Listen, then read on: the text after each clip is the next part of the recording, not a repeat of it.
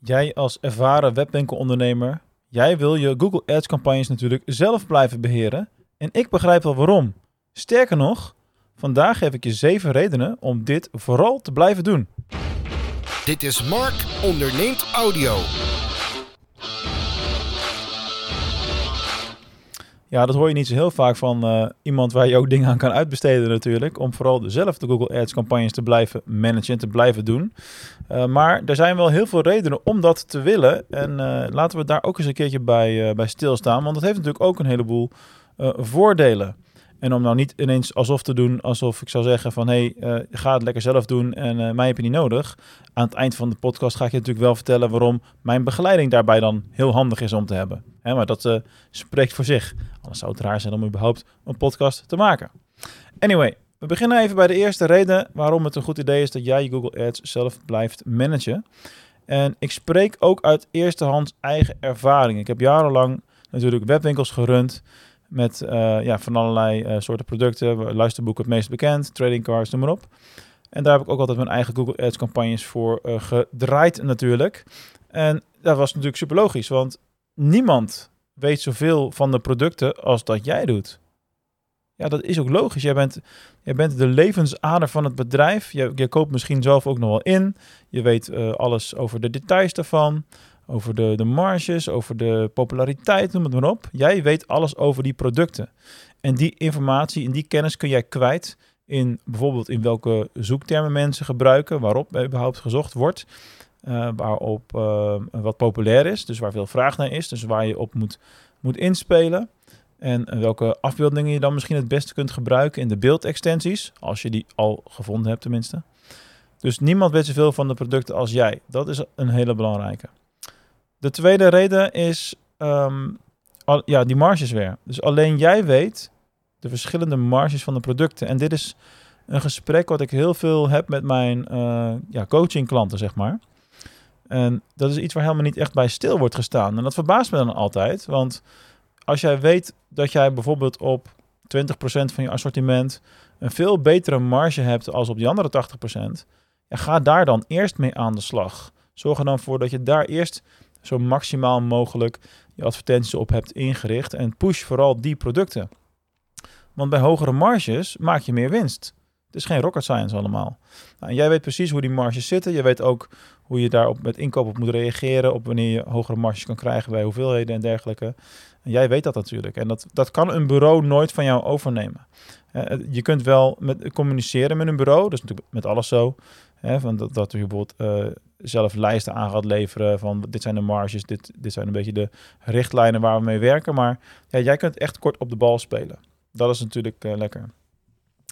De derde reden is dat jij ook in jouw organisatie, hoe groot of hoe klein die ook mogen zijn, zelf de kennis wil kunnen overdragen. Er zijn verschillende scenario's denkbaar waarbij dat interessant is. Bijvoorbeeld stel je hebt nu een webshop en je, je regelt het nog in je eentje of met twee of drie man. Misschien heb je af en toe een stagiair, misschien heb je wat externe handjes die komen helpen. Of werk je met een fulfillmentpartij, want dat kost vaak de meeste tijd, hè? al die pakjes inpakken. dat weet ik ook nog wel. Eh, maar jij wil die kennis op een gegeven moment wel kunnen overdragen. Maar als jij een beetje net zo bent zoals ik, dan wil je het eerst zelf leren. Dat heb ik ook met alles. Wat ik ook doe, wat ik ook uitbesteed. Ik wil het niet alles, alles, maar heel veel wil ik zelf kunnen doen. Voordat ik het ergens anders neer ga leggen. Dus jij wil bijvoorbeeld ook zelf super goed zijn in het managen van je Google Ads campagnes. Voordat jij dat aan een eventuele junior medewerker overdraagt, deels overdraagt misschien wel, met jouw management daar nog bovenop. Laat staan of je dat überhaupt bij een bureau zou doen of intern. Dat is nog even een tweede natuurlijk. Maar als jij de kennis hebt, dan kun je hem dus ook overdragen. Nog een reden om het zelf te blijven managen. Uh, vier, dagelijks management bij een bureau is gewoon te kostbaar.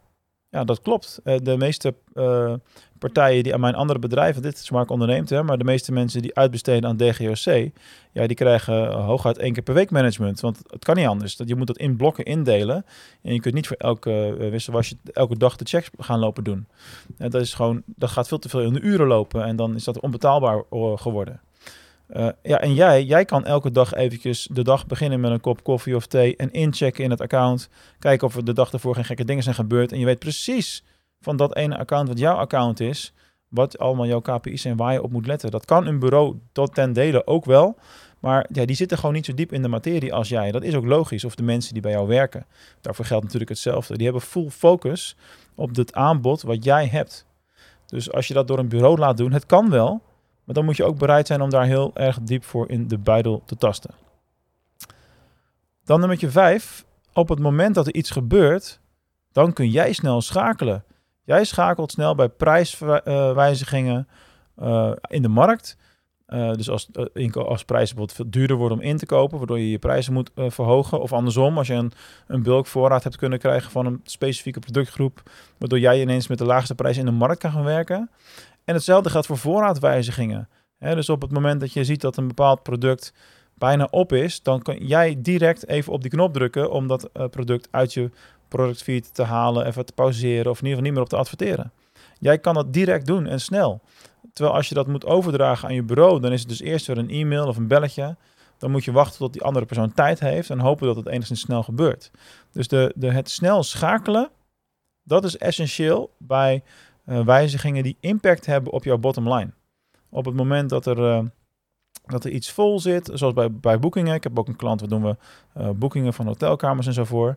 En die, ja, die, weet gewoon instant wanneer er iets gewijzigd moet worden. En dat kan je moeilijk uitbesteden. Dan nummer 6. Eigenlijk een beetje een meta-reden als je het mij vraagt. Dit kanaal is simpelweg te belangrijk om uit handen te geven. Dat is ook iets waar je in je bedrijfsvoering als ondernemer misschien überhaupt wel over na zou moeten denken. Wat geef ik wel uit handen en wat niet? En uh, in hoever ga ik daarin? Ik doe bijvoorbeeld nog steeds mijn betalingen zelf. Waarom? Ja, dat vind ik te belangrijk. Daar wil ik gewoon bovenop zitten op dat cashflow management. En uh, ja, bij Google Ads zou je eigenlijk hetzelfde kunnen zeggen, zeker als webwinkel. Want er zijn natuurlijk heel veel online marketingkanalen en de ene kanaal heeft gewoon wat meer invloed op de directe omzet als de andere.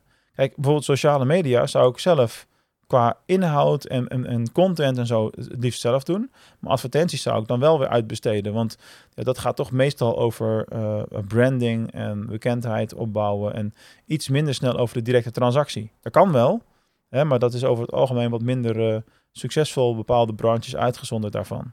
Maar bij Google Ads en natuurlijk ook SEO, daar is eigenlijk totaal tegenovergestelde aan de hand. Op het moment dat via een Google Ad iemand op jouw webshop binnenkomt, dan is er al een bepaalde intentie. En als je dat goed doet, haal jij dus vooral de mensen met een directe koopintentie binnen. Nou, dat zorgt er weer voor hè, dat jij um, daar bovenop wil blijven zitten. Oftewel, het is te belangrijk. Het heeft te veel invloed op jouw uh, bottom line. En dat zijn toch dingen die je in de gaten wil houden, vooral als kleine ondernemer. En, en soms heb je ook gewoon een handjesprobleem. Ik heb ook wel eens een project gehad uh, of aangenomen waarbij we bijvoorbeeld hebben afgesproken. En we gaan eerst de basis voor jullie opzetten en gaan het doen. Jullie zoeken dan vervolgens personeelslid XIZ en dan gaan we dan coaching in. Dat is ook een manier om het, uh, om het te doen.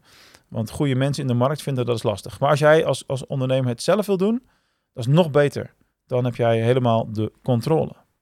Ja, en tot slot, reden nummer 7 waarom jij je Google Ads zelf moet blijven managen, is omdat jij natuurlijk ervoor hebt gezorgd dat jij met jouw schaarse en kostbare tijd zo onwijs goed in Google Ads bent geworden dat je daar nog geen uurtje per dag voor nodig hebt. Oftewel, jij hebt de juiste begeleiding zodat je effectief bezig bent. Toch? Dat heb, dat, dat heb je wel geregeld, toch? Ga me nou niet vertellen dat je het allemaal alleen doet zonder begeleiding. En dan wordt het misschien wel een beetje een tricky dingetje. Nou ja, zal ik het bruggetje dan maar maken? Plan je call in op markonderneem.nl of mark.onderneem.nl slash call. En uh, ga dat gesprek eens met mij aan. Half uurtje gaan we kijken hoe je ervoor staat. Kijken naar jouw Google Ads campagnes. En uh, zien of daar veel meer uit te halen valt. En dan kan ik jou wel vertellen of het zin heeft om uh, in een coaching traject met mij te stappen of niet. Als het niet zo is, zeg ik dat ook altijd eerlijk. Want als er voor mij niks te winnen valt, dan begin ik er ook niet aan.